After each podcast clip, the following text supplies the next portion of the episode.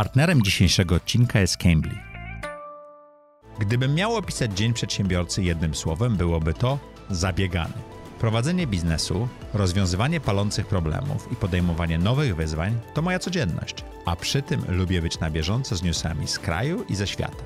Business Update to codzienny, bezpłatny serwis w formie podcastu i newslettera. To pigułka informacji, które mają wpływ na biznes. Bez zbędnych komentarzy i opinii. Najważniejsze informacje do wysłuchania w drodze do biura. Zasubskrybuj na ulubionej platformie i zacznij dzień z przewagą. Cześć, witajcie w kolejnym odcinku audycji Zaprojektuj swoje życie. Paweł Miszkurka. Spotkałem go na pewnej konferencji, gdzie mówił o dziedziczeniu. Paweł jest prawnikiem, który się specjalizuje właśnie w tej dziedzinie. Rozmawialiśmy dość długo. Udało się zrobić niesamowicie ciekawy odcinek, który może być dla Was albo pełen informacji, albo pełen refleksji, albo pełen słowa, to zależy, którego tam znajdziecie też bardzo dużo. Ale rozmawialiśmy o historii człowieka, który trochę przez przypadek trafił w tą dziedzinę prawa, wyspecjalizował się w niej i pomaga ludziom podejmować ważne i trudne decyzje. Jako humanista rozumie, co potrzebne jest. Jako przedsiębiorca rozumie, jakie są tego skutki. Jako człowiek, który czyta dużo, bardzo dużo Terego Pratchetta, to co szanuje, patrzy bardzo szeroko. Bardzo ciekawy odcinek, trochę inny niż wszystkie Zaprojektuj swoje życie do tej pory. Warto posłuchać, jeżeli nie macie testamentu, do samego końca. Zaprojektuj swoje życie. Zapraszam Was do mojej autorskiej audycji Zaprojektuj swoje życie. Przedstawiam osoby, które podjęły nietuzinkowe wyzwania życiowe i biznesowe. Rozmawiamy o tym, co nas napędza i dokąd zmierzamy. Historie opowiadane przez moich gości zainspirują Was do świadomego i odważnego projektowania swojego życia.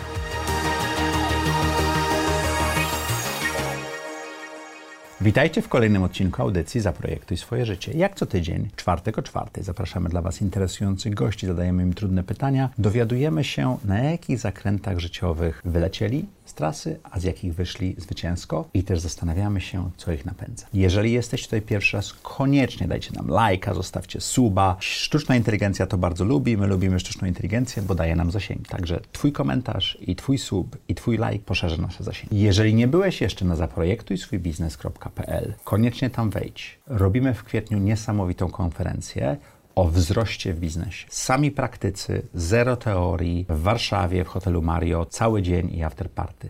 Zapraszam Cię bardzo serdecznie. Zaprojektuj swój biznes.pl, łamane przez konferencja. Mam nadzieję, że już dzisiaj kupisz bilet i przybijemy piątkę. A dzisiejszym gościem jest Paweł Miszkurka. Dzień dobry, kłaniam się. Jesteś prawnikiem. A to aż tak widać? No.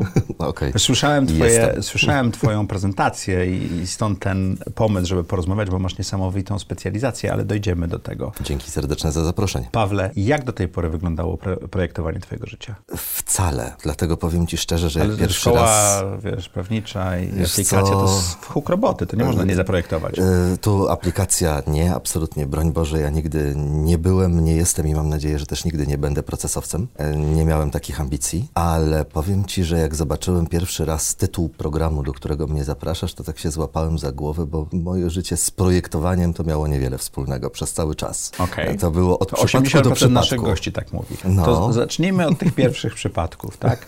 Jak zarobiłeś pierwsze pieniądze, pamiętasz? Tak. Y, pierwsze pieniądze zarabiałem na korepetycjach. Przygotowywałem y, młodszych kolegów y, do egzaminów na Wydział Prawa, dlatego, że moją pasją była historia i, i bardzo to lubiłem, a tam główną częścią egzaminu są zagadnienia historyczne. Poza tym e, w firmie mojego kuzyna dorabiałem sobie e, wakacyjnie i to była firma, która zajmowała się różnego rodzaju taką elektroniką użytkową, oświetleniem Mhm. specjalistycznym, tego typu rzeczami. A co robiłeś? Wszystko. Wystawiałem Okej. faktury, y, pakowałem magazyn, dbałem o dokumenty, odbierałem telefony, czyli wszystko, do czego nie trzeba było większych kwalifikacji, poza małpią zręcznością przy oprogramowaniu. A skąd pomysł na studia prawnicze? Chyba najbardziej z e, faktu tego, że kompletnie niesłusznie od samego początku uważałem się za humanistę.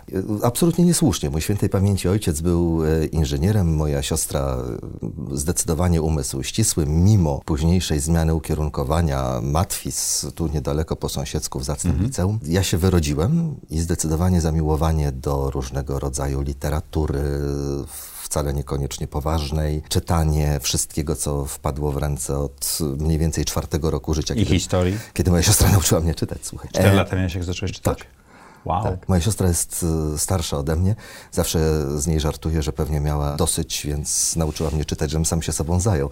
Ale nie, tak naprawdę absolutnie tutaj miłość wielka. Historia również jako, Mhm. jako swojego rodzaju pasja. I gdzieś takie poczucie kompletnie idiotyczne, jak to życie zweryfikowało później, idealizmu pod tytułem, że będąc prawnikiem, to można robić takie fajne rzeczy, albo ścigać tych złoli, albo bronić tych dobrych. I, i no wiesz... Takie za- telewizyjne, tak? z- Telewizyjne, książkowe, wiesz, za dużo fantastyki się naczytałem w życiu, bo to ponad 30 lat. To problem był inny zupełnie, to znaczy fakt, że się rozminąłem z powołaniem, wybierając zawód prawniczy tak naprawdę, że ja kompletnie wtedy nie zdawałem sobie sprawy z tego, jak ten zawód wygląda w rzeczywistości. A Jak wygląda zawód prawniczy w rzeczywistości? E, nudnie, żmudnie. E, oczywiście ja się mogę w tej chwili mylić, to jest moje postrzeganie, a poza tym e, same studia są mocno zniechęcające do, do tego zawodu. Tak jak medyczne studia w Polsce? To jest, nie wiem jak wyglądają studia medyczne, ale studia prawnicze to jest fabryka. Tam, żeby się czegoś nauczyć, trzeba naprawdę chcieć. Biorąc pod uwagę, że na przykład na Uniwersytecie Warszawskim na jednym roku 1200 studentów, no to wyobraź sobie,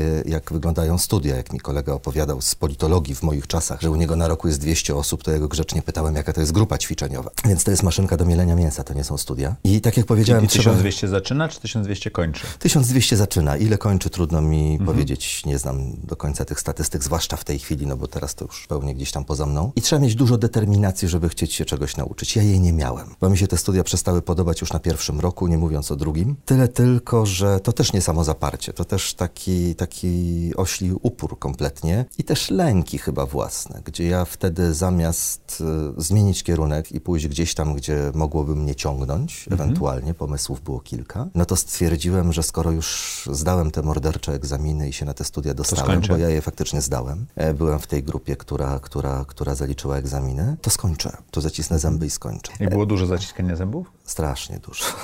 Okej. Warunkowe egzaminy, e, słuchaj, trzy seminaria magisterskie jednocześnie, bo absolutnie nie wiedziałem, z czego mam się bronić, bo żadna z tych dziedzin mnie do końca nie fascynowała. I, I trzy magisterki zrobiłeś? Nie, nie, nie, nie, nie. Tak, tak to się nie da. Którą wybrałeś? E, To nie to, że wybrałem, też przypadek, zostało wybrane za mnie, bo gdybym miał wybierać, to broniłbym się z prawa międzynarodowego. Tyle tylko, że pani, którą wybrałem sobie na promotorkę, akurat w tym czasie e, wylądowała na urlopie naukowym. I ja z tej całej złości, zamiast wybrać prawa człowieka, to, e, a to był dobry rocznik na prawa człowieka, tak nawiasem mówiąc, bez nazwisk, ale wykształcił naprawdę potęgi obecne, to stwierdziłem, że będę się bronił z prawa finansowego, konkretnie z prawa podatkowego. No i się broniłem, ze śmiem twierdzić, najnudniejszej dziedziny w polskim prawie, bo chyba nawet administracyjne jest bardziej fascynujące niż podatki.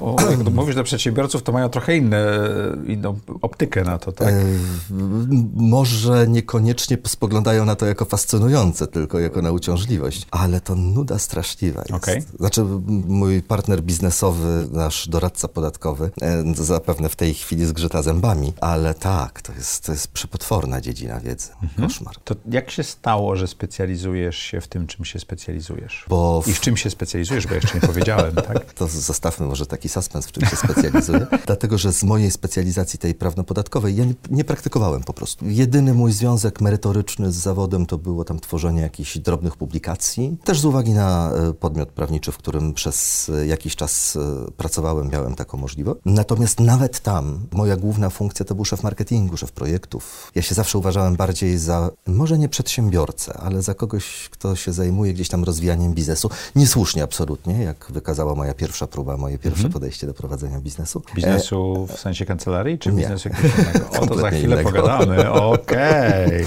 O nie, wiesz, to jest, tutaj wyciągasz straszne brudy na mnie, także to... To jest o E, wiesz, okej. projektowaniu życia i o pokazywaniu ludzi bez makijażu. To tutaj absolutnie makijażu w takim razie nie będzie. Ja przez 10 lat od skończenia studiów broniłem się, żeby prawnikiem nie zostać.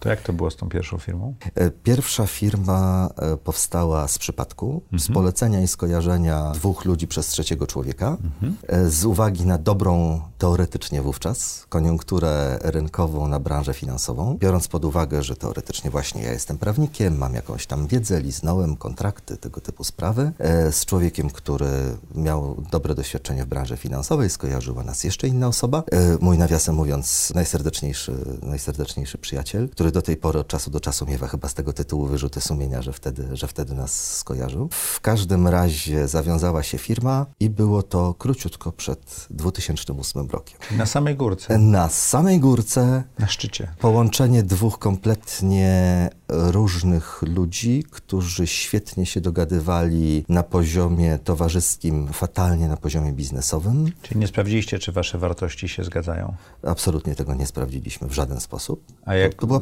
partyzantka. To jak dno odpadło, rozumiem, to co E, Ja stało? byłem trochę za młody i za głupi na prowadzenie własnego biznesu. W sensie wcześniejsze prace, jakby to e, tak bardziej elegancko niż mi przychodzi do głowy, e, wykastrowały ze mnie samodzielność w podejmowaniu pewnych decyzji. Jako przedsiębiorca musisz dużo decyzji podejmować, Tak, prawda? A co tak. znaczy za młody i za głupi? To jest no to, właśnie, między innymi to, że, że, czekałeś, miałem... jak ktoś ci powie? Tak, że czekałem trochę, to aż ktoś ma- mi powie. Za mało miałem własnego doświadczenia, za dużo wcześniej zdawałem na decyzyjność innych i to zaskutkowało tym, że byłem też przyzwyczajony, że ktoś gdzieś tam odpowiada na górze za, za decyzję i nie wykształciłem w sobie takiego instynktu samozachowawczego. To czego nauczyło cię? A co się stało z tą firmą? Ile Padła. przetrwała? Dług, po, Padła. Szybko. Dwa lata max. Y, Przy czym popełniłem drugi błąd jeszcze wtedy, Mhm. że, zamiast, że zamiast pozwolić temu utonąć, odciąć ogon i uznać... ratować. Dokładnie. To jest takie stare porzekadło, które często lubię cytować, za co ojciec stłukł syna. Nie za to, że ten grał, tylko za to, że próbował się odegrać. E, więc ja niepotrzebnie wpakowałem w to zbyt wiele środków. No I i, utonąłem razem z tą firmą. Tak. Finansowo. tak. Co to była za lekcja? Cambly to platforma do nauki języka, dzięki której opanujesz płynnie angielski, rozmawiając jeden na jeden z native speakerami. Spersonalizowany system nauczania opracowany przez zespół Cambly pozwoli Ci osiągnąć kolejne cele w nauce angielskiego.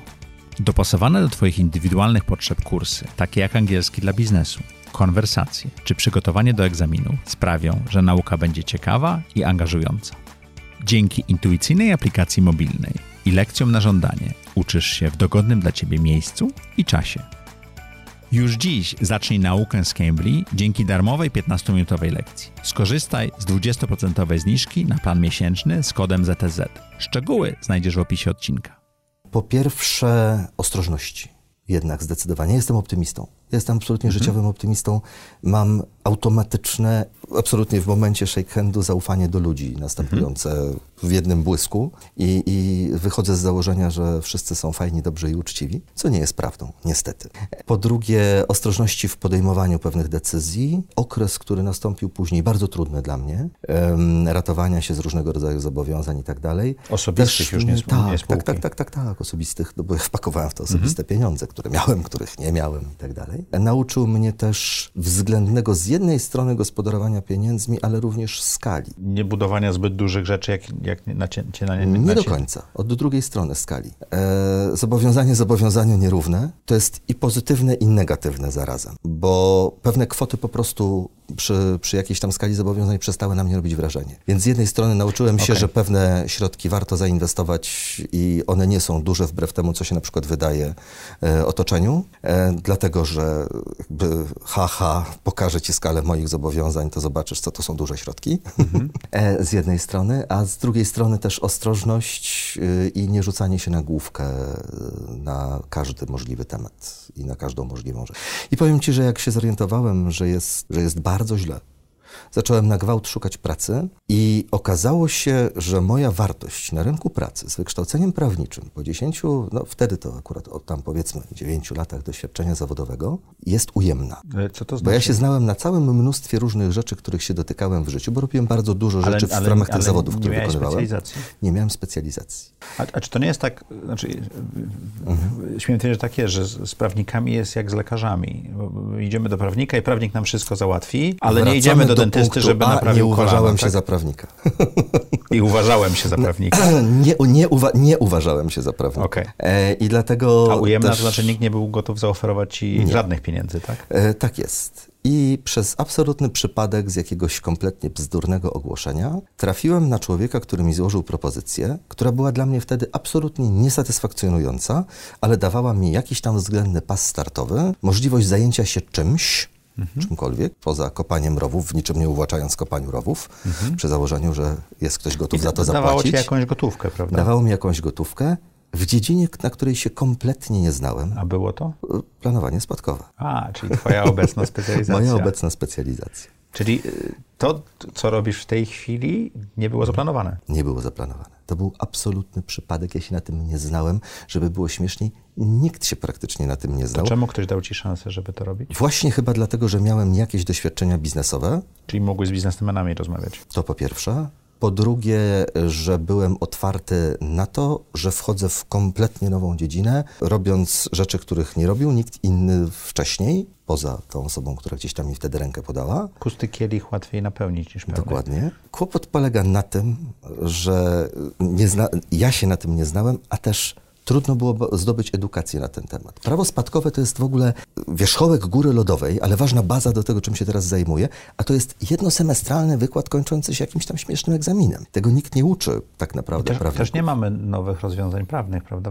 Mm. Wiele z tych rzeczy jest opartych o stare prawo. Co nie jest złe, nawiasem mówiąc, bo im mniej okay. się w dzisiejszych czasach grzebie przy tych przepisach, tym zdrowiej dla tych przepisów. E, I akurat prawo spadkowe jest o tyle zdrowe, że stosunkowo najmniej przy nim grzebano od czasu uchwalenia kodeksu cywilnego, bo to ten, bo to ten jeden wykład na koniec semestru. E, tak, się... tak, a poza tym ono bazuje akurat w naszym prawie bardzo głęboko, gdzieś tam na prawie rzymskim. E, Rzymianie to byli mądrzy ludzie i niech tak zostanie.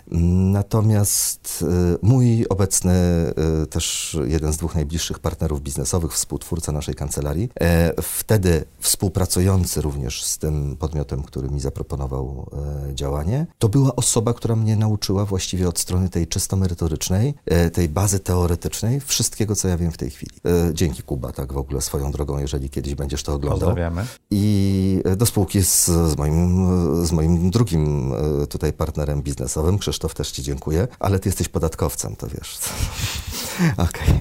Okay. W każdym razie, w każdym razie wracając do, do, do, do tego wątku, w ramach kolejnych przypadków. Osoba, która wtedy mi podała rękę, okazało się, że dla niej poniekąd byłem swojego rodzaju kołem ratunkowym, bo był idealistą i jego podmiot wtedy też tonął. Bo e, dlaczego tonął? Bo nie potrafił e, właściwych. E, Jak to ładnie mówi jeden pobierać? z moich kolegów, zmonetyzować e, tego, czym zmonetyzować, się zajmował. Tak, tak. Szukałem ładnego słowa, które tak. będzie bardziej prawnicze, nie biznesowe. I Czyli kiedy... potrafił ludziom pomóc, ale tak. nie potrafił za to wziąć pieniędzy. I kiedy po pół roku to się rozpadło, tenże kolega odpłynął w innym kierunku, on też się nadal zajmuje tą dziedziną, tylko że w trochę innym zakresie, z innym podejściem, jakby z absolutnym szacunkiem, mhm. tutaj bez żali po obu stronach, myślę, że z wzajemną sympatią. Natomiast ta grupa e, twardoprawnicza podjęła decyzję, czemu nie kontynuować pomysłu, ale pozostańmy kancelarią. Czyli wy wyszliście z tego, tej kancelarii? To się rozpadło, spotkaliśmy się... spółkami cywilnymi, one za, za każdym razem się... Tu akurat to było zupełnie jakby okay. co innego. To też nie zawsze kancelarie są spółkami cywilnymi. E, to jakby zupełnie inna bajka, to był mhm. zupełnie inaczej skonstruowany podmiot. Pewnie nie czas i miejsce, żeby o tym opowiadać, bo to jest w sumie najmniej istotne. Ale trzech chłopa się zebrało, zrobiliśmy sobie zlot gwiaździsty z Wrocławia, z Warszawy, spotkaliśmy ja się nic, pod Łodzią. nie masz nic. Razem mamy fabrykę, dokładnie zmierzałem do tego. Trafiłeś w sedno absolutnie. No, łódź tutaj wyszła tak czy siak, tak? Tak, no mniej więcej w połowie drogi między dwoma miastami. Stwierdziliśmy, chcemy to kontynuować, ale w tym wątku prawniczym bardzo. I jedyne, co zostało też po tamtym podmiocie, to były dobre kontakty, dobre relacje z dwoma, trzema firmami z branży finansowej, dla których współpraca e, na gruncie planowania sukcesji jest naturalnym, jakby naturalną metodą rozwoju i sprzedaży pewnych narzędzi. No bo oni doradzają i następnym krokiem często jest sukcesja. E, tak, i też jest strona finansowa tutaj bardzo istotna, mhm. pewne narzędzia, produkty, które zabezpieczają, tak, mhm. które zabezpieczają sukcesję. I też naszym biznes case'em od samego początku funkcjonowania było to, że kontynuujemy współpracę z podmiotami z rynku finansowego. I to się okazał dopiero strzał w dziesiąt, bo na dzień dzisiejszy pracujemy z grubo ponad połową tego rynku, będąc naprawdę niewielkim podmiocikiem. E, a pracujemy w skali ogólnopolskiej, co się przekłada na dziesiątki tysięcy kilometrów. Wiesz, ja wczoraj pojechałem do Gdańska, wróciłem z Gdańska, a jutro, a właściwie dzisiaj w nocy wyruszam w dalekie Karkonosze po, i po całym dniu szkolenia jeszcze z nich muszę wrócić. E, więc więc e, praca polega też głównie na byciu zawodowym kierowcą, bo my nie tylko zajmujemy się aktywnym doradztwem, tą pracą stricte merytoryczną, ale, też bardzo dużo szkolimy, bardzo dużo uczymy i ludzi w rozumieniu y, osoby fizyczne, przedsiębiorców, y, wspólników firm i tak dalej, ale też y, pracowników branży finansowej. To o co chodzi w dziedziczeniu? To, to co robisz w tej chwili, tak? Pytanie, czy y, twoje pytanie jest techniczne czy filozoficzne? Zacznijmy od filozofii. Porozmawiajmy o tym, no bo mówimy o prawie rzymskim, będziemy dodawali prawo napoleo napoleońskie, prawda, które to wszystko u- Napoleon, usys jest. Mhm. usystematyzowało, ale zacznijmy od filozofii, bo my jako przedsiębiorcy będziemy żyli wie wiecznie, budujemy firmy, nie myślimy o tym. E, ja nie wiem, czy na szczęście, czy na nieszczęście, dwa i pół roku temu spadłem z hulajnogi, tak się połamałem, że myślałem, że nie, no, no, jakbym jechał 5 kilometrów więcej, to może bym nie dojechał. Oj, to ostro, faktycznie. E, No, sztuczne kolano, kostka. Uff, współczuję. Tak, d- dwa i pół roku, cztery operacje. D- Zobaczyłem się ze ścianą, więc w tej chwili wiem, Mhm. że nie będę żył wiecznie i planuję takie rzeczy. Planu, przepraszam, planuję planować. Zapraszam. E, po- Porozmawiamy. Nie, to zacznijmy od filozoficznie. Dlaczego warto o tym myśleć w dowolnym wieku? To jest taka definicja sukcesji, którą gdzieś tam się od lat w ramach naszej kancelarii e, posługujemy, którą miałeś okazję widzieć na, na, na tym wystąpieniu, na którym się spotkaliśmy po raz pierwszy. E, sukcesja jako świadome, niezakłócone przekazywanie majątku, czyli gdzieś tam cztery słowa. Świadome, czyli wiem komu, niezakłócone, czyli nie postawiłem barier albo nie ma barier prawnych? Nie? Nie do końca. Okej, opowiedz. Świadome, czyli nie tylko wiem komu, ale wiem jak, wiem co mi wolno, czego mi nie wolno i wiem do czego doprowadzą skutki moich decyzji. Ta świadomość ma Albo znacznie... mogę mieć pomysł, że coś zrobię, a niekoniecznie to zadziała. Mhm. Albo mogę mieć pomysł, to niestety zadziała, bo nie zdaję sobie sprawy, że pewnymi swoimi decyzjami zrobię krzywdę całemu swojemu otoczeniu. Więc ta świadomość ma dużo płaszczyzn. Y, I również tę taką najprostszą możliwą, czyli wiedza. Wiedza na temat rozwiązań prawnych, wiedza na temat rozwiązań finansowych, zarządczych też czasami, które można wykorzystać w ramach tego planu. Niezakłóconość polega przede wszystkim na tym, żeby nie doprowadzać, nie generować konfliktu. I tu trochę cofnę się do tego, co powiedziałeś wcześniej, my jako przedsiębiorcy. Nasz zamysł przy tworzeniu kancelarii był też idealistyczny, wynikający trochę z tego stwierdzenia my przedsiębiorcy. Na sukcesję w tym kraju bardzo mocno się patrzy z punktu widzenia przedsiębiorców, No, bo przedsiębiorcy zazwyczaj generują większy majątek i to ma większy... a to jest błąd. Okej. A to jest błąd. Dlaczego? Bo okazuje się, że po pierwsze, idealistyczne podejście pod tytułem będziemy tworzyli super, hiper wypasione, wielopokoleniowe podmioty typu, nie wiem, to japońskie Kongo Gumi, To nie działa. przez półtora tysiąca lat budowało świątynię. Nie, to nie, nie działa. działa. Absolutnie nie działa. Uczyliśmy się tego kilka lat. 8 do 11% drugiego czy trzeciego pokolenia chce przejmować te firmy z lat 90., tak? Dokładnie. Uczyliśmy się tego przez kilka lat, dopóki do nas nie dotarło, jak tak naprawdę wygląda sukcesja Firmy albo są firmowa. sprzedawane, albo, albo padają. Tak. No jest jeszcze co najmniej, są jeszcze co najmniej dwie inne możliwości, ale to Mhm. możemy, możemy do tego jeszcze wrócić. I cała sukcesja zaczyna się od gruntu rodzinnego. Również ta firmowa. I ten grzech pierworodny pod tytułem nie ma planowania sukcesji dotyczy majątków rodzinnych, majątków firmowych. Te majątki rodzinne często są bardzo duże, bo mówimy o przedsiębiorcach. Często są ludzie, którzy już wyszli poza biznes, którzy zrobili też pieniądze w korporacjach, zarobili dużo pieniędzy, są rentierami, wynajmują swoje nieruchomości, obracają swoimi zasobami, ale to dotyczy każdego, gdzie masz jedną złotówkę na środku i nie wiem, dwie, trzy osoby zaangażowane w podział tej złotówki, no to masz 90% prawdopodobieństwo konfliktu. I ta niezakłóconość polega na tym, to jest taka teza, którą ja stawiam na każdym szkoleniu, na każdej konferencji, które prowadzę, żeby ludzie, którzy dzisiaj są sobie pozornie bliscy, za te kilka, kilkanaście czy kilkadziesiąt lat nie mieli okazji dyskutować ze sobą przed sądem, bo uwierz mi, wtedy jest ciężej, dłużej, gorzej i drożej. I tak to działa. Więc ta niezakłóconość polega na niegenerowaniu konfliktów i to tak samo dotyczy majątku prywatnego, majątku firmowego. Więc ta sukcesja i, i postrzeganie jej, zawężanie jej do pryzmatu przedsiębiorców, przepraszam, że to powiem, ale to wprost mówię, jest błędem. Czyli chodzi o to, Mhm. żeby, przepraszam, to ja spróbuję powiedzieć, co zrozumiałem, doprowadzić do tego, żeby nasza rodzina żyła w zgodzie po tym, jak po nas, po nas odziedziczy, tak? Mhm. Tak jest. Przekazywanie, to jest kolejne słowo. Mhm. Doprowadzić do tego, czyli przekazać ten majątek. Przekazanie ma w sobie jakiś ten pierwiastek świadomości. Mhm. Czyli to nie jest tak, że ten majątek przejdzie i heja, i wszyscy będą szczęśliwi, bo odziedziczyli dużo pieniędzy. A mogą nie wiedzieć, jak tym majątkiem się zająć na przykład. To jest jedna rzecz, czyli przekazywanie polega na tym, żeby wiedzieć co komu, żeby zrobić to na tyle świadomie, że konkretne osoby mające konkretne kompetencje dostają konkretne elementy. A, czyli ktoś inny może dostać nieruchomości, a ktoś, ktoś inny może dostać firmę. firmę. Oczywiście, że tak. I to się da w Polsce osiągnąć. Jest wbrew obiegowej opinii i mitom i legendom e, niesłusznie powtarzanym, jest możliwy absolutnie rzeczowy podział majątku w ramach, w ramach tworzenia testamentów chociażby. Czyli mówimy o przekazywaniu, ten pierwiastek świadomości, no i majątek. Skupiamy się na tym, co mamy lub czego nie mamy, bo czasami ten majątek potrafi być ujemny, co też ma swoją wartość. Powiedzieć ci, jak brzmiał mój pierwszy testament w życiu? Tak nawiasem mówiąc? Twój osobisty. Tak, który spisałem zanim zacząłem się zajmować planowaniem Ręcznie sukcesji. czy u notariusza? Ręcznie. Okej, dajesz. Spadek po mnie należy odrzucić.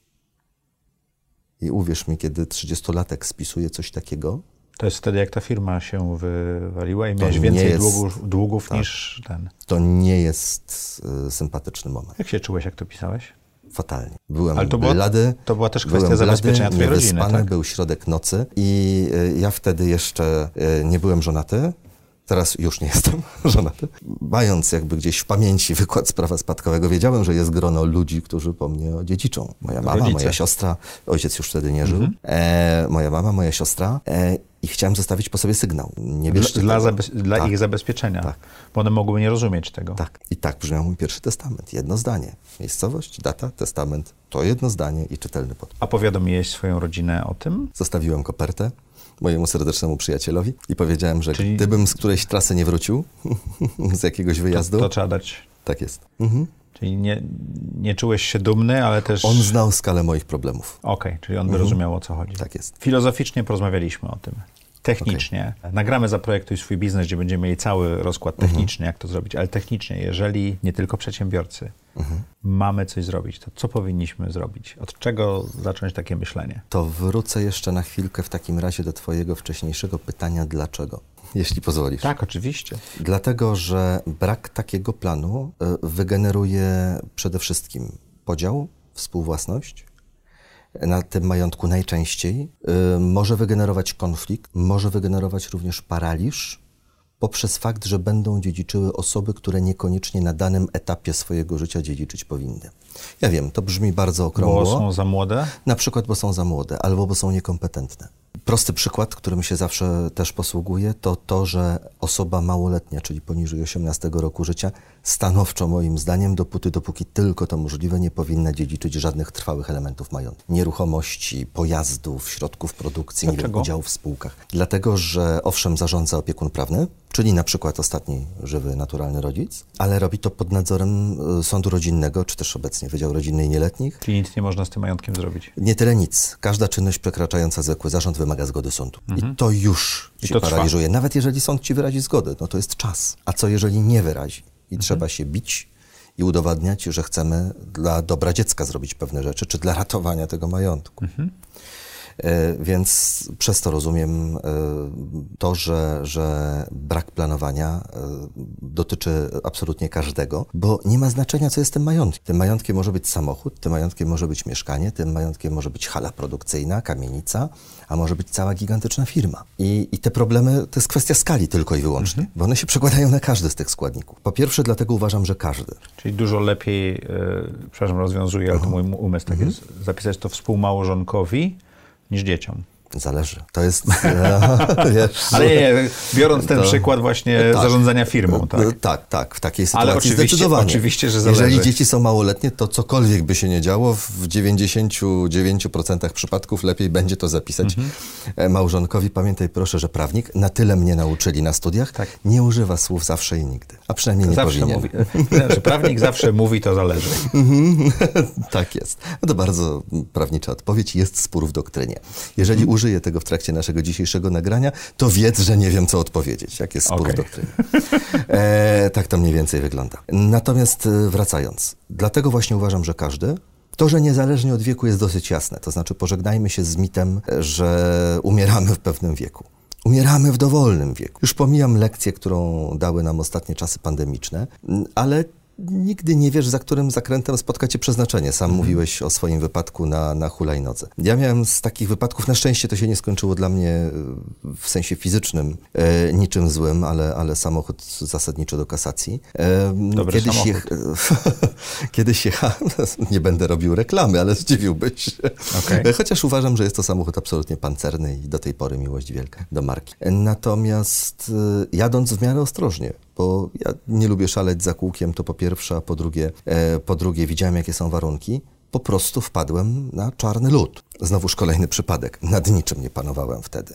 Jak sobie przypomniałem wszystkie zasady związane z wychodzeniem z poślizgu, to, mi- to mi się tylko śmiać zachciało. Warto było pamiętać dwie rzeczy. W razie czego głowa w zagłówek i zamknąć oczy, jak się nosi okulary. E, zwłaszcza. Tak, bo jak wys- wystrzeli ci. Ale wiesz, jadąc z lewego pasa w barierki waliłem prawym tyłem. Jak się ocknąłem i otrząsnąłem, to zobaczyłem, że stoję w poprzek pasa ruchu, więc każdy następny tir to śmierć na miejscu. I właśnie się zorientowałem, że stoję na środku, też przypadek zatoczki technicznej, 5 centymetrów od pasa ruchu. Ale to też daje do myślenia, wiesz, no to, to nigdy, nigdy nie wiadomo, kiedy kogo przeznaczenie spotka. I najgorszym sposobem myślenia o sukcesji jest to, kiedy już zaczynamy o tym myśleć, czyli zdajemy sobie sprawę gdzieś tam z tej własnej śmiertelności, że być może warto, że jakiś wykład, szkolenie czy cokolwiek przemówiło, ale odkładamy to do etapu, kiedy będziemy mieli podomykane sprawy. Bo jeszcze jedna transakcja, e, bo chcę sprzedać tę nieruchomość, więc po co później zmieniać testament? Bo wie pan, ja planuję rozwód, no tego typu rzeczy. Mhm. Nigdy chyba w życiu nie domykamy wszystkiego. Mogę ci zagwarantować je. Znaczy, ja- ja że jeżeli będziemy czekali na domknięcie wszystkich spraw w naszym życiu, to one będą domknięte równo z wiekiem trumny. I dopiero wtedy. To jakby miejmy tego świadomość. Plan się będzie zmieniał. Zmienia się twoja sytuacja życiowa, rodzinna, majątkowa, można zawodowa. napisać co roku, 10 prawda? razy dziennie, jeżeli chcesz. Wiesz, szef bez butów, może nie powinienem takiej historii opowiadać, ale e, kiedy z moją byłą małżonką podjęliśmy decyzję o rozstaniu, e, ja swój testament zmieniałem dopiero po trzech miesiącach od tego momentu, kiedy już nie mieszkaliśmy razem i tak dalej. I zdałem sobie sprawę, że ona nadal jest moją żoną, a ja wyjeżdżam na trzydniowe szkolenie. Ja, wiesz, w środku nocy się przecknąłem i mój najświeższy testament też nie jest w formie notarialnej, tylko jest pisany odręcznie, bo usiadłem przy biurku i na biegu zmieniałem poprzedni. Także zostawiłem na biurku, wychodząc z założenia, że ktoś prędzej czy później, jeżeli Znajdzie. znajdą mnie gdzieś tam na autostradzie, to prędzej czy później wejdzie do mieszkania i znajdzie ten testament. Później go też wręczyłem e, mojemu przyjacielowi e, jako, jako wykonawcy. To co powinien zawierać taki testament podstawowy? Ja rozumiem, że Mhm. dobrze porozmawiać z prawnikiem, szczególnie jeżeli mamy skomplikowaną sytuację majątkową, rodzinną czy pomysł. Dobrze zrobić go notarialnie, bo wtedy yy, łatwiej... Na wielu płaszczyznach. Na ale w takiej sytuacji, jak właśnie mówisz, nie mamy nic, a warto coś mieć. Jak powinien wyglądać podstawowy testament, żeby był ważny? Przede wszystkim e, nie zostawiajmy spraw jakimś kwestiom ustnych ustaleń, bo ja powiedziałem, bo oni wiedzą, bo to było przy świadkach. Bzdury. Ludzie różnie pamiętają takie rzeczy. Oczywiście, że tak. Albo A jeżeli to było powiedziane, to można to napisać, prawda? Pamiętać lub nie pamiętać. Bądźmy realistami w tym względzie. Mhm. Tak? E, Testament możesz sporządzić odręcznie albo w formie notarialnej. E, Mhm. Co do zasady, przyjmijmy te dwie formy testamentu jako te, które w ogóle warto mieć. Odręczny, ważne, żeby pamiętać, żeby był odręcznie, a nie wydrukowany z komputera. Tak jest. E, Czyli nie tylko odręczny podpis, ale uchowaj całość Boże. musi być napisana Jeżeli odręcznie. jest wydrukowany z odręcznym podpisem, kwit jest nieważny. Przy czym drugie zastrzeżenie z mojej strony, y, nie mam nic przeciwko testamentom odręcznym, ale po pierwsze, niech ktoś o nim wie. E, Po drugie, niech ten testament będzie podparty jakąkolwiek, chociaż szczątkową wiedzą inną niż czerpana z amerykańskich filmów. A to jest najczęstsza wiedza, z której ludzie... To można w internecie poszukać, prawda? Wujek Google, jak Mhm. zawsze jest najlepszym prawnikiem i najlepszym lekarzem. Ale jest czy nie jest? Nie jest, Okej. e, ale lepsza taka wiedza niż, Niż filmowa. Bo to są jednak dwa totalnie różne systemy prawne. E, i, i, i, I trzeba mieć tego To nie świadomość. mamy prawa zwyczajowego w Polsce, Nie mamy mamy. prawo Nie kodeksowe. mamy. Nie mamy. I to jest pierwsze zastrzeżenie. Uważam, że każdy testament dłuższy niż to jedno, góra dwa zdania, powinien z ostrożności yy, i dla świętego spokoju być jednak robiony w formie aktu notarialnego. Dlaczego? Dlatego, że po pierwsze jest trudniejszy do podważenia, gdyby ktoś miał w tym interes prawny, czyli na zasadzie, ale to nie jest charakter pisma dziadka. Po drugie, notariusz jest ważnym gwarantem tego, pozdrawiam koleżanki i kolegów notariuszy, zdaje się, że robię reklamę w tej chwili, jest gwarantem tego, że stawiła się u niego ta osoba, czyli to nie jest fałszerstwo, że ta osoba była trzeźwa, sprawiała wrażenie w miarę normalnej, nie była na prochach i nikt jej do niczego nie zmuszał, nie wiem, mhm. trzymając pistolet przy Czyli nie można podważyć tego. Trudniej jest podważyć, mhm. o tak.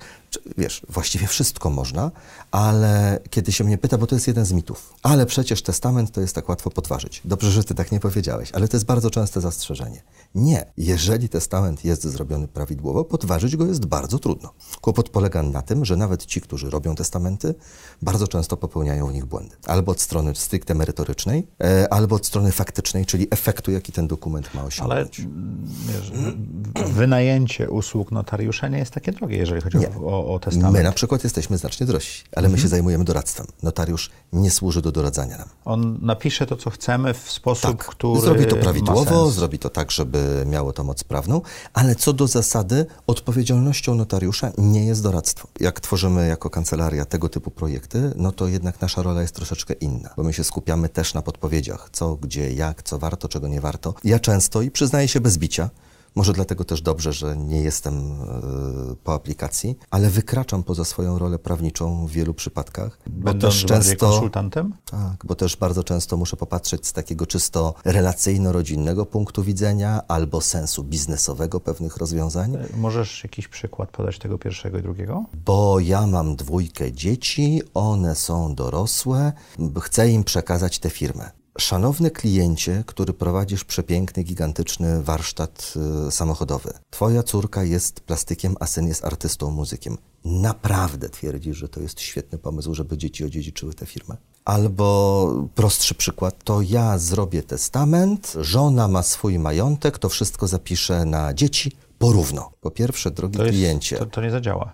E, zadziała Tyle tylko, że po pierwsze, drogi kliencie, twoje starsze dziecko ma 16 lat, a młodsze ma 4. Jest między nimi duża różnica wieku. I współwłasność nie tylko spowoduje paraliż, ale też jest do prostą ścieżką do konfliktu. roku tego młodszego. Tak jest, ale też jest prostą ścieżką do konfliktu, bo w momencie, kiedy twoja córka będzie zakładała własną rodzinę i niańczyła własne dzieci, to twój syn będzie wyrastał z czasu bycia strażakiem za mhm. chwilę. I tyle. Tutaj masz te takie podstawowe takie, błędy w takie, pomysłach. Takie spojrzenie.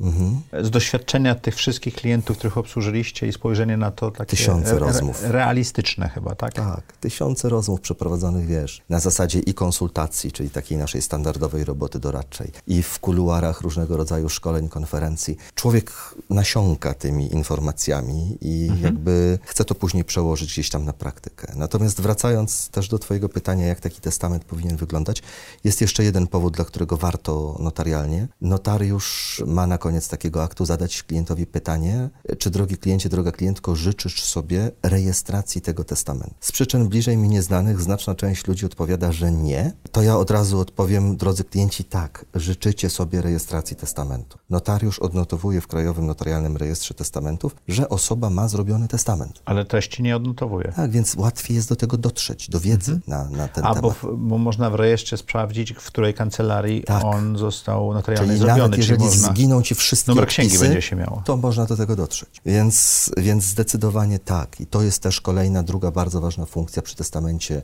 y, notarialnym i do tego bardzo mocno zachęcam. Natomiast co do samej treści, oczywiście schematy przygotowywania testamentów mogą być powtarzalne. Kłopot polega na tym, że nigdy nie masz dwóch identycznych sytuacji rodzinnych, bo nawet jeżeli schemat wydaje ci się identyczny, to za każdym takim dokumentem stoją żywi ludzie, którzy mają swoje charaktery, plany na życie, ambicje, coś chcą, czegoś nie chcą, coś potrafią, ktoś czegoś jest nie. artystą, ktoś jest inżynierem, tak? Ależ oczywiście, że tak. Y, ja mogę powiedzieć mniej więcej o zrębach. Po pierwsze, zdecydowanie jednak testament powinien zawierać powołanie do dziedziczenia, czyli wskazanie, to jest mój spadkobierca lub to są moi spadkobiercy. Podział majątku za pomocą zapisów. No, zapisy zwykłe, zapisy windykacyjne. Mały nawias y, dla wszystkich słuchaczy. Przestańcie wierzyć i święcie w instytucję zapisu windykacyjnego wprowadzonego parę lat temu. To, to owszem, ważna, ważne rozwiązanie, ale dalece przereklamowane i dalece nie zawsze do zastosowania. Mm, I, i, i to jest w wielu przypadkach stosowane błędnie, nawet przez notariuszy, żeby nie było wątpliwości.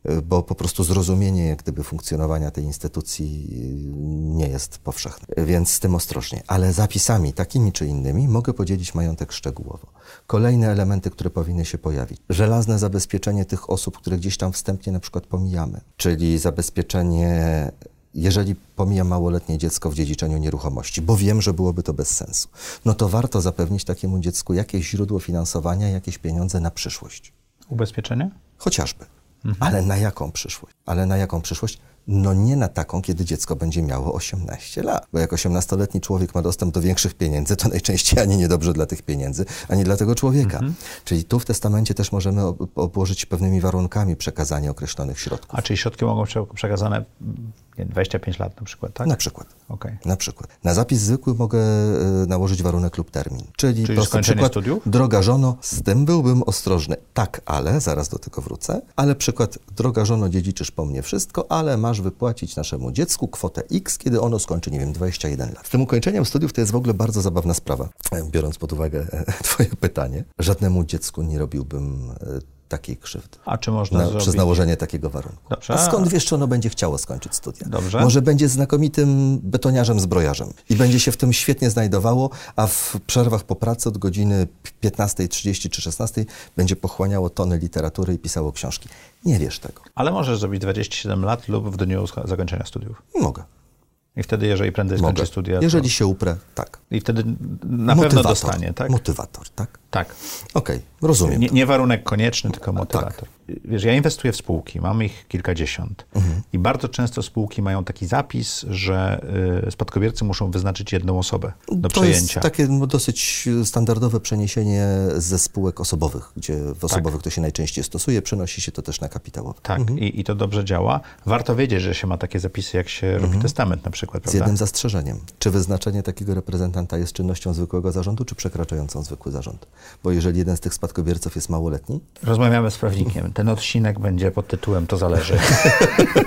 Na przykład wzbogaciłbym ten zapis, że udziały, bo rozumiem, że mówimy tutaj głównie o spółkach kapitałowych, tak. mówiąc o konstrukcji, którą masz na myśli, wzbogaciłbym ten zapis co najmniej o regulację, że udziały mają prawa objąć tylko pełnoletni spadkobiercy wyłączyłbym opcję dziedziczenia przez małoletnich. Nie mówisz o testamencie, tylko o, o zapisach. spółki. Okej, okay. ale to jest dobry zapis, muszę sprawdzić. Mhm. Warto Bardzo dobry zapis. Mhm. Wtedy niech sobie wyznaczają. Mhm. Chociaż to też czasami potrafi generować e, zabawne sytuacje, bo czasami jest tak, że wszyscy chcą być tym reprezentantem, czasem jest tak, że nikt nie chce być tym reprezentantem. Najzabawniej jest wtedy, kiedy wszyscy chcą, a żaden nie umie, bo wtedy sukces smurowany na starcie. Mhm. Tu też zawsze warto się zastanowić. W którym momencie, rozumiem, że jeżeli nasz majątek jest relatywnie prosty, nasze relacje są relatywnie zrozumiałe dla nas, możemy mhm. zacząć pracować sami albo z notariuszem, w którym momencie mądrą decyzją decyzją jest zatrudnienie doradcy, który pomoże nam ułożyć sukcesję? Zależy od poziomu świadomości, znowuż wracamy do słowa zależy, ale jeżeli już jesteśmy zdeterminowani, żeby podjąć kroki wykonawcze pod tytułem zróbmy porządek, to kolejność moim zdaniem powinna być taka, że najpierw robimy sobie bilans majątkowy, czyli siadamy sobie w takim czy innym gronie, nie wiem, małżeństwo, relacja partnerska, singiel, nie ma znaczenia. Siadamy sobie i robimy rachunek sumienia. Mam, winien, ile poszczególne elementy są warte. Jeżeli mam taką możliwość yy, i chcę, no bo to wiadomo, to też jest kwestia osobnicza, yy, warto podjąć naradę rodzinną, naradę firmową, czyli poznać zdanie naszych bliskich. Bo może być tak, że my mamy inne wyobrażenie na temat tego, co chcą ci ludzie. Czyli zapytać się bliskich, tak. Jakie mają ambicje dotyczące tak. tego majątku. Córeczko, dla ciebie będzie ta kawalerka. A... Tato, ale ja się chcę wyprowadzić do Stanów. Ja nie chcę tej kawalerki. Rzuć mi kasę w razie czego. Dobrze, przepraszam, mhm. zapauzujecie tutaj, bo wielu z naszych słuchaczy ma duże, żeby nie powiedzieć ogromne majątki, mhm. a część z nich, moim zdaniem bardzo mądrze, mhm. nie uświadamia swoich dzieci, co do wielkości tego majątku. W takiej sytuacji nie podejmujmy dyskusji, dlatego powiedziałem, że to jest opcjonalne. Jeżeli okay. z przyczyn osobniczych uważam, że nie warto, bo na przykład wyższym dobrem jest to, żeby dzieci nie do końca zdawały sobie sprawę, dla mnie to jest okej. Okay. Ja mówię wtedy, kiedy można. Wtedy, Ale kiedy... to z tą kawalerką -huh. to był bardzo dobry, dobry, -huh. dobry przykład. Także -huh. rzeczywiście my możemy mieć jakiś, Inny plan. jakieś wyobrażenie, tak? Tak. A, a ktoś może mieć inny plan na swoje życie po prostu. E, I to jest jakby, to są te pierwsze kroki, które można podjąć samodzielnie. I wtedy, na tym etapie, kiedy już mam zalążek pomysłu, e, wtedy już warto zacząć rozmawiać z, z doradcami, z prawnikami i zacząć tworzyć zręby tych dokumentów, też zweryfikować, czy mój pomysł ma ręce i nogi, czy jest wykonalny, bo czasami nie jest. Czasami są takie pomysły, które są na przykład, nie wiem, na gruncie polskiego prawa nierealizowalne lub bardzo trudno realizowalne lub nieopłacalne. E, ileż jest takich pomysłów, no od lat się mówi o kwestiach fundacji rodzinnych i tak dalej. No, to są, y, oczywiście y, mówi się o tym znowuż po raz kolejny, ale ja mam bardzo poważne wątpliwości, w jaki sposób zostanie skonstruowana ta fundacja rodzinna. Jeżeli miłościwie nam panujący zrobią z fundacją rodzinną to samo, co zrobili ze swoim własnym pomysłem pod tytułem Ustawa o zarządzie sukcesyjnym przedsiębiorstwa, to ja nie wróżę sukcesu. Bo tak okulawić tę ustawę to trzeba było naprawdę chcieć. To, tej ustawy na razie nie ma. Ale to nie, to ustawa o zarządzie sukcesyjnym, Ale mówię jest o- kulawa. Natomiast o fundacjach rodzinnych. Więc ludzie wpadają na różne pomysły, fundusz inwestycyjny zamknięty i tak dalej. No Ale też zadajmy sobie pytanie, czy z majątkiem wartym nawet kilka milionów. Opłaca się wejść w fundusz inwestycyjny Nie no, zamknięty, jak koszt- masz koszt trzymania z, z, kilkuset tysięcy na przykład, czy tam dwustu, coś takiego, coś na kształt. No to E, jak, więc... to, to jak włożysz 2 miliony, to to jest 10%. Jak włożysz 20 No milionów, to więc- jest 1%, to ciągle jest dużo. No tak? więc właśnie, więc właśnie. Więc pytanie, od którego etapu pewne pomysły są sensowne, są opłacalne. I wtedy tak, wtedy już warto rozmawiać z prawnikami, e, z doradcami finansowymi również. E, Mhm. Ale Kłaniam warto- się koleżankom i kolegom z Ale branży warto finansowej. najpierw porozmawiać z rodziną. E, tak jak mówię, w części przypadków na pewno. W części zgadzam się z Tobą absolutnie.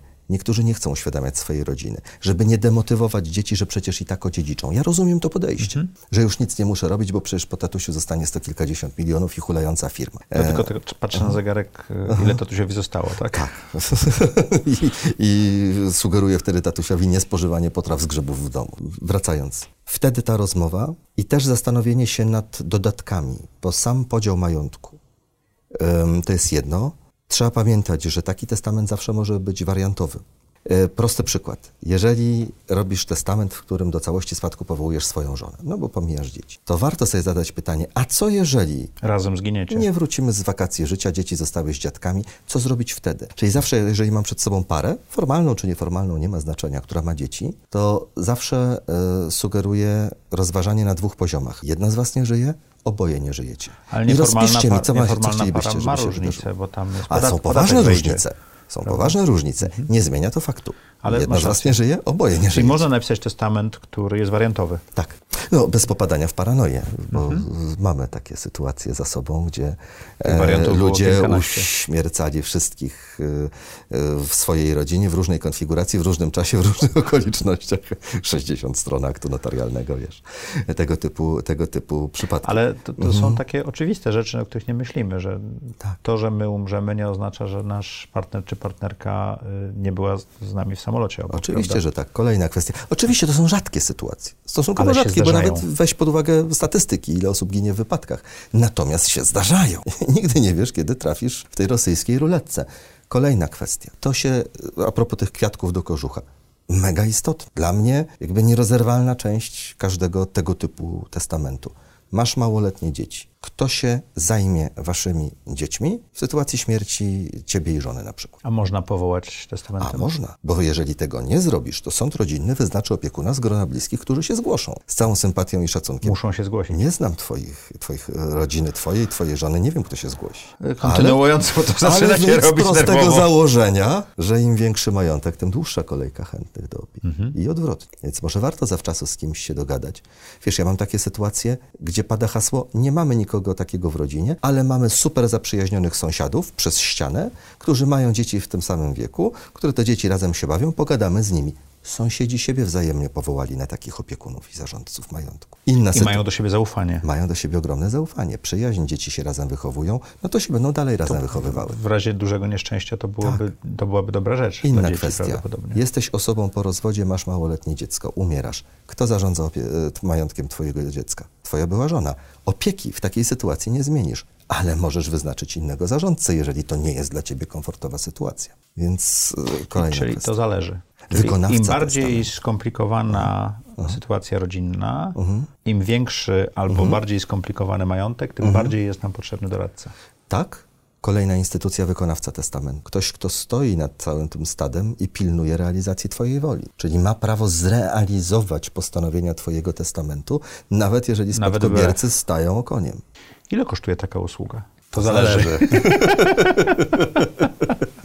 Wiesz co? E, Ile kosztuje jeżeli akt notarialny akt, testamentu? akt, jeżeli... notarialny, e, akt notarialny waha się od kilkuset do tysiąca kilkuset złotych. Czyli to nie są... y, Usługa doradcza, jeżeli mówimy o opracowaniu projektów testamentów, powiedzmy, nie wiem, dla pary takiej czy Mhm. innej, no to koszt mniej więcej zaczyna się od 1600-1800 zł. To jest bardzo tanio. No a kończy się i na kilku tysiącach, jeżeli jest bardziej skomplikowana No, jeżeli sytuacja mamy- rodzinna czy majątkowa. Jeżeli mamy majątek y, kilku, kilkudziesięciu, kilkuset milionów złotych, to wydanie kilku czy kilkunastu Żadne- tysięcy złotych ża- nie pieniądze. jest y, proporcją żadną. Żadne prawda? pieniądze. Czasem trzeba stworzyć też innego rodzaju dokumenty. To znaczy ja z pewnym przymrużeniem oka podchodzę do takich dokumentów intencyjnych, jakieś tam Mhm. e, założenia rodzinne, inne tego typu rzeczy. E, Trochę jednak e, mam rezerwy do, do tego typu rozwiązań, ale czasami trzeba wręcz wcześniej, przy bardzo skomplikowanych sytuacjach rodzinnych czy majątkowych, pójść w kierunku stworzenia wspólnie z klientem takiego planu, zanim się zacznie robić dokumenty, czyli pewnej inwentaryzacji, opisania skutków, no to to się już zamienia wtedy w swojego rodzaju opinię prawną, którą nazwalibyśmy planem sukcesji.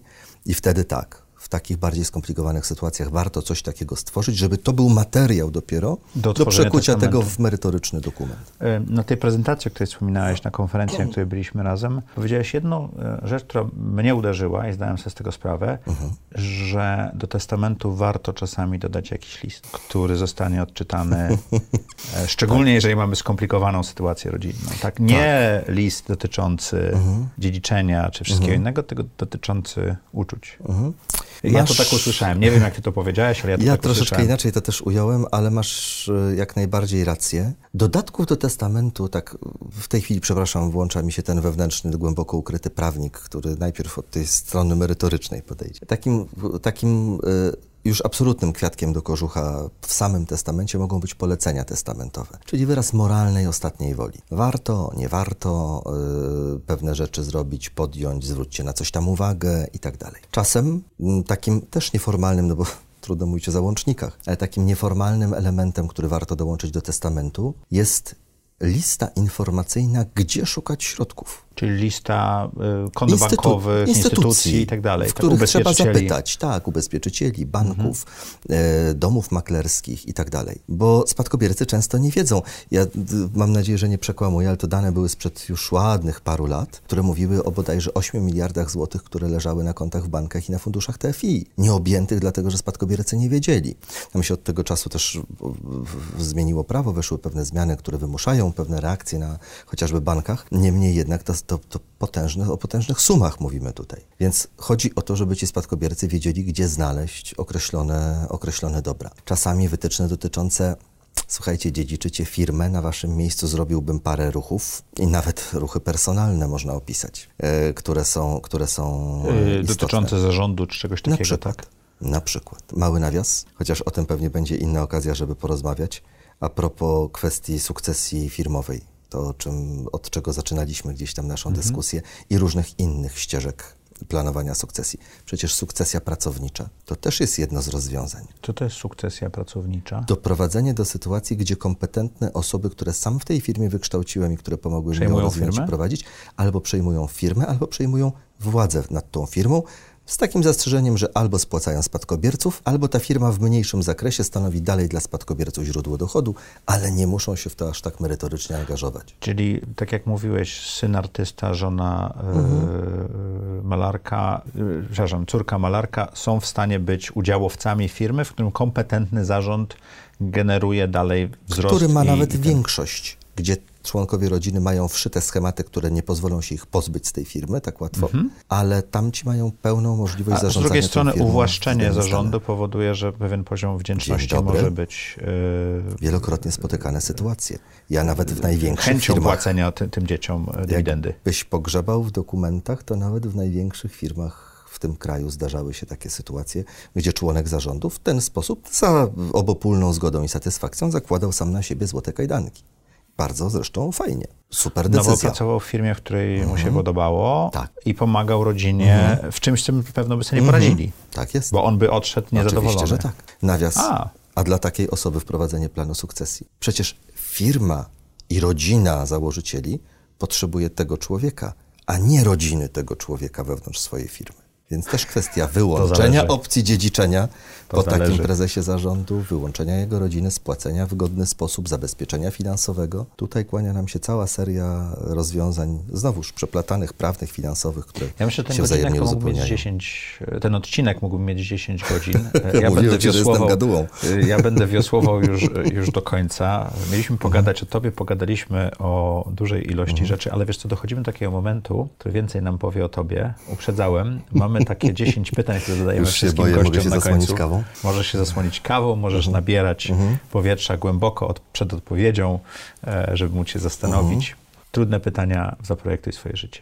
Czy możesz opisać najlepszą decyzję, jaką podjąłeś w życiu? Mogę, ale tego nie zrobię.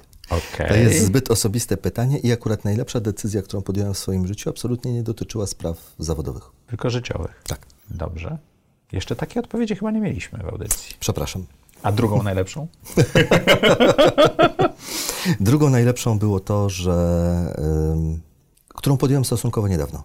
Nauczyłem się odpuszczać. O, ale odpuszczać, doprowadzać rzeczy do końca, czy odpuszczać, Odpuszczać sobie. E, wybaczać? dać sobie luz, dać sobie czas, powiedzieć czegoś nie muszę, powiedzieć okej, trudno, coś się opóźni, coś nie wyjdzie, nie ale nie muszę zrobić wszystkiego. Odkąd nauczyłem się odpuszczać, mam inne spojrzenie na życie, też mam wrażenie, że dużo lepiej rozwija mi się biznes. Efektywność się nie pogorszyła, prawda? Au, chowaj Boże. Okej. Wręcz przeciwnie. To teraz będę musiał w ofie dowiedzieć się, co to była za pierwsza decyzja. Okej? E, Co daje ci najwięcej energii czy satysfakcji w życiu? Zadałeś to pytanie introwertykowi. Ja wiem, że, ja wiem, że czasami po mnie nie widać. Ja jestem przełamanym introwertykiem, ale bardzo introwertykiem. Wy, wyuczonym, ja to nazywam wyuczonym. Wyuczonym. Mogę wymienić kilka rzeczy? Bo to nie będzie jedna. Dajesz. Z punktu widzenia czysto introwertycznego Pawła Miszkurki, którego masz przed sobą, dla mnie takim największym wytchnieniem, bo mówimy tutaj o tego typu rzeczach, taką, takim... Coś, co cię ładuje albo daje satysfakcję. Tak, to jest, co mnie ładuje. Ładuje mnie e, literatura. Tak jak wspomniałem, jestem absolutnie od x lat miłośnikiem fantastyki wszelkiego rodzaju, e, graczem RPG, e, chociaż już dawno nie było okazji. E, pozdrawiam, cię, pozdrawiam cię, Andrzej. Własny biznes Mhm. czasami jest lepszy niż jakakolwiek gra RPG. Nie do końca. Jeżeli pozwolisz, to będzie w takim razie końcówka odpowiedzi na to pytanie. I e, gry planszowe. To jest, to jest ogromna, ogromna frajda. E, to jak mówimy o czystym introwertyku pod tytułem Paweł Miszkurka. Jestem w przecudownym związku z przecudowną osobą i mam to szczęście, że mam nieliczną, ale wspaniałą i kochającą rodzinę. I to jest, to jest dla mnie w tej chwili gigantyczne źródło tego, że uważam się za całkiem szczęśliwego człowieka. Mimo wszelkiego rodzaju problemów, które gdzieś tam się za mną ciągnęły, część nadal się ciągnie i tak dalej. Praca? Jestem jednym z tych ludzi, którzy uważają, że pracuje się po to, żeby żyć, a nie żyje się po to, żeby pracować. I praca, którą wykonuję, sprawia mi dużo satysfakcji. Mam świadomość, że robię to, co lubię, Ale nie jest to sens sam w sobie. kiedy pada czasami takie filozoficzne pytanie, pseudofilozoficzne, nazwijmy to umownie, wygrywasz 500 milionów euro jackpota, czy pracujesz dalej? Moja odpowiedź brzmi raczej nie. Jak wygląda twój typowy dzień? Nie ma czegoś takiego jak typowy dzień w moim wykonaniu, biorąc pod uwagę profil y, pracy. Czyli doradztwo, edukacja Mhm. i tak dalej. Nie jestem w stanie sobie zaplanować, pomijając już fakt, że ja jestem absolutnie chodzącym chaosem, w sensie jestem pedantem absolutnym dookoła siebie. E, moja partnerka ze mnie się nabija, że po prostu fajnie by było, żeby część kobiet miała e, e, taki porządek u siebie w mieszkaniu znanych jej. E, ja jestem pedantem absolutnym dookoła siebie, natomiast w sensie takim zawodowym czysty chaos i... i Twórczy. Twórczy, absolutnie twórczy, oczywiście przez duże twu wręcz nawet. E, więc biorąc pod uwagę, że często jest tak, że ja jadę, szkole kilka godzin, wracam, śpię trzy godziny, następnego dnia mam jakąś tam kolejną aktywność. Wiesz, no praca też z klientami polega na tym, że nie każdy szanuje twój czas, co Mhm. oznacza, że pewne rzeczy odwołują się w ostatniej chwili. Mam też z różnych względów trochę takich obowiązków rodzinno, rodzinno-zdrowotnych, więc, więc też e, na to muszę znaleźć zawsze czas. Przyjąłem jedną też zasadę, od już mniej więcej dwóch lat ją kultywuję, że na przykład w piątki, jeżeli tylko nie mam jakiegoś takiego no, totalnego przymusu albo hi, super hiper zlecenia, pracę kończę o godzinie 12. Czyli Po 12 jest czas na to, żebym trzydniowy- mógł pewne rzeczy. Z... Nie, to jest też y, czas na pracę, ale taką rodzinną pracę. Na zrobienie pewnych, y, na, na pewną pomoc chociażby dla mojej kochanej mamy, zrobienie jakichś zakupów i Okej. tak dalej. Y, To jest y, ta praca, którą robię z przyjemnością. Bo nie znalazłeś na to czasu przez pierwsze 4 dni tygodnia pewnie. Tak. Czy mógłbyś przestać teraz coś robić, co by po- spowodowało twój rozwój albo poprawiło twoje samopoczucie? Stresować się. to Przestać mógłbym przestać. stresować. tak, to stanowczo by pomogło. E, Nie no, śmieję się oczywiście, nierealne. Nie no, wiesz, jak to przedsiębiorca, wolny zawód oznacza, że wolno pracować w weekendy, więc y, masz głowę cały czas na najwyższych obrotach. 7 dni w tygodniu po Tak. 20 godzin dziennie. E, Wiesz, takie, takie truizmy, a nagrodą za dobre kopanie jest większa łopata, tak? E, to Terry Pratchett wymyślił, to nie ja. E, w każdym razie, w każdym razie e, wracając, nie, chyba nie ma takiej rzeczy. Poza e, nadmierną ilością nerwów, e, które gdzieś tam mi towarzyszą, nie. Chyba nie ma takiej rzeczy, z której Nauczyłeś się miałbym odpuszczać, a, się, a zrezygnować. stresujesz. Widzę jakiś taki paradoks. Ale wiesz co, stres jest na poziomie troszeczkę innym. Nauczyłem się odpuszczać, A, okej. bo sobie pozwalam na pewne rzeczy. Natomiast stres Ale jak jest niezależny ode mnie. stresują? Nie. Nie, od, odpuszczanie, się, już- odpuszczanie już, już mnie nie stresuje. Już nie powoduje u mnie jakichś takich tragicznych wyrzutów sumienia, wiesz, charakterystycznych dla pracocholików i tak dalej. Pawle, jaką masz supermoc? Będąc introwertykiem, lubię ludzi i staram się wprowadzać pokój, spokój tam, gdzie jestem. I to jest moja supermoc. Tak, interakcje, które z tobą miałem, rzeczywiście uspokajają. Miło mi to Tak, słyszeć. tak. Podejrzewam, tak mi powiedziano, nikt mi nigdy nie robił takich testów, ale powiedziano mi kiedyś, że gdyby ktoś mi robił takie testy osobowościowe pod pracę w korpo i tak dalej, to zapewne by mi wyszło, wyszedł idealny materiał na bufor. Mówiąc o idealnych e, materiałach, mamy ludzi, którymi się otaczają. Te najbliższe kręgi mają na nas naj, największy wpływ, tak? bo odbijamy od nich idee, z tych idei są nasze myśli, z tych myśli są nasze słowa, z tych słów są nasze czyny. Jak budujesz swoje wewnętrzne kręgi? Po pierwsze, spotkało mnie gigantyczne szczęście, tak jak wspomniałem wcześniej, że mimo, że jesteśmy nieliczną rodziną, to bardzo kochającą się. E, mam tutaj na myśli właśnie moją mamę, moją siostrę, jej, jej cudownych synów, wspaniałe chłopaki, moi siostrzeńcy są po prostu genialni. Po zawirowaniach prywatnych w moim życiu miałem gigantyczne szczęście również i to też nie było zaplanowane w żaden sposób, że spotkałem na swojej drodze śmiem twierdzić, kobietę swojego życia. A przez całe moje życie miałem gigantyczne szczęście do cudownych przyjaciół. Ja nie lubię nadużywać tego słowa. Jest wąskie grono kilku osób, które są ze mną, e, niektórzy od, cześć Bartek, e, ponad e, prawie już 30 lat, niektórzy trochę krócej, ale to nadal jest ćwierć wieku. To są ludzie, którzy ciągnęli mnie za uszy w najtrudniejszych dla mnie sytuacjach którym ja też śmiem twierdzić, że pewnie w różnych sytuacjach życiowych pomogłem. Zjedliśmy ze sobą beczkę soli. Żeby było śmieszniej, kilka z tych więzi też się zadzierzgnęło przez przypadek. To drugie hasło poza zależy przy naszej dzisiejszej rozmowie. To właśnie zjedzenie beczki soli wcale nie zawsze wspólne wartości. Chociaż też, ale to budowało, to budowało te kręgi. Biznesowo powiem Ci, że to też jest y, nieprawdopodobne. Ja, kiedy zaczynałem te 13 lat temu pracę z korporacjami finansowymi, jako prawnik, podchodziłem jak pies do jeża. No wiesz, utarte tendencje, korposzczury, wojna, wojny w biznesie i tak dalej, i tak dalej. Boże, ilu ja cudownych ludzi spotkałem na gruncie zawodowym. Z iloma zdarza mi się pójść na piwo, na rower i tak dalej, i tak dalej. System to nie człowiek. No oczywiście, system to nie człowiek i podpisuje się czterema kopytami pod tym, co powiedziałeś. Dobrze, mówiłeś, że dużo czytasz, więc to będzie albo bardzo łatwe pytanie, albo bardzo trudne pytanie dla ciebie. Tylko jedna. Książka która? To jest najtrudniejsze pytanie, które mi zadałeś. Absolutnie najtrudniejsze ze wszystkich. A jaka jest ani odpowiedź? to, ani to o ludzi. Książka, która pomogła mi myśleć o życiu. Ojciec chrzestny. O. Wcale nie fantastyka. Rewelka. Książka, którą kocham miłością wielką. Dylogia Pożeglować do Sarancjum, Gaja Gavriela Kaja. Książka, którą uważam, że każdy człowiek powinien przeczytać. Nacja Terego Pratchetta. Konkretnie nacja. A dlaczego nacja akurat z Terego? Bo jest podręcznikiem relacji międzyludzkich, tolerancji, postrzegania świata, postrzegania duchowości również. Mimo, że w warstwie tekstowej wydaje się być bazowo w sumie dosyć dziecinną książką Pratchetta, a moim zdaniem była jego absolutnym manifestem światopoglądowym. Jakbyś miał wybrać którąś z tych trzech, to zależy, która to by była? Jeśli mnie pytasz, jaką książkę zabrałbym ze sobą na bezludną wyspę, Dajesz. bo nie mógłbym bez niej funkcjonować i do której wracam i czytam ją regularnie, jest kilka takich książek. Dobra, kończymy w tym miejscu. Pawle! Sapkowski. O, który?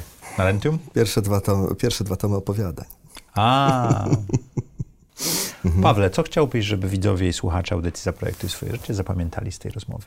Że prawnik to też człowiek i żeby do zagadnień prawnych podchodzili po ludzku i bez obaw. Czyli więcej humanizmu w tym. Więcej humanizmu w tym. I to nie jest apel do prawników, to jest apel do ludzi, żeby się też nie bali podejmowania pewnych działań.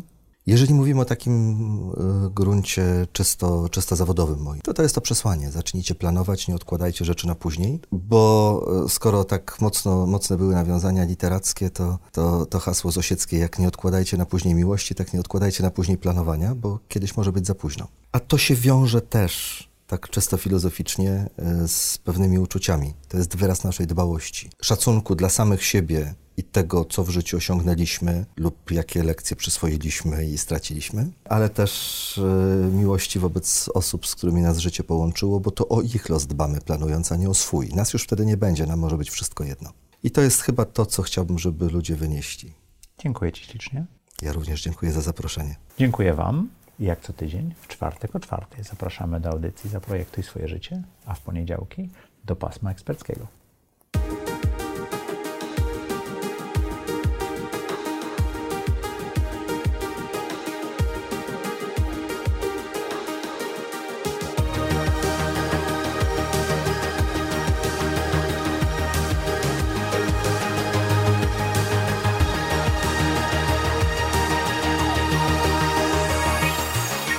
Zaprojektuj swoje życie.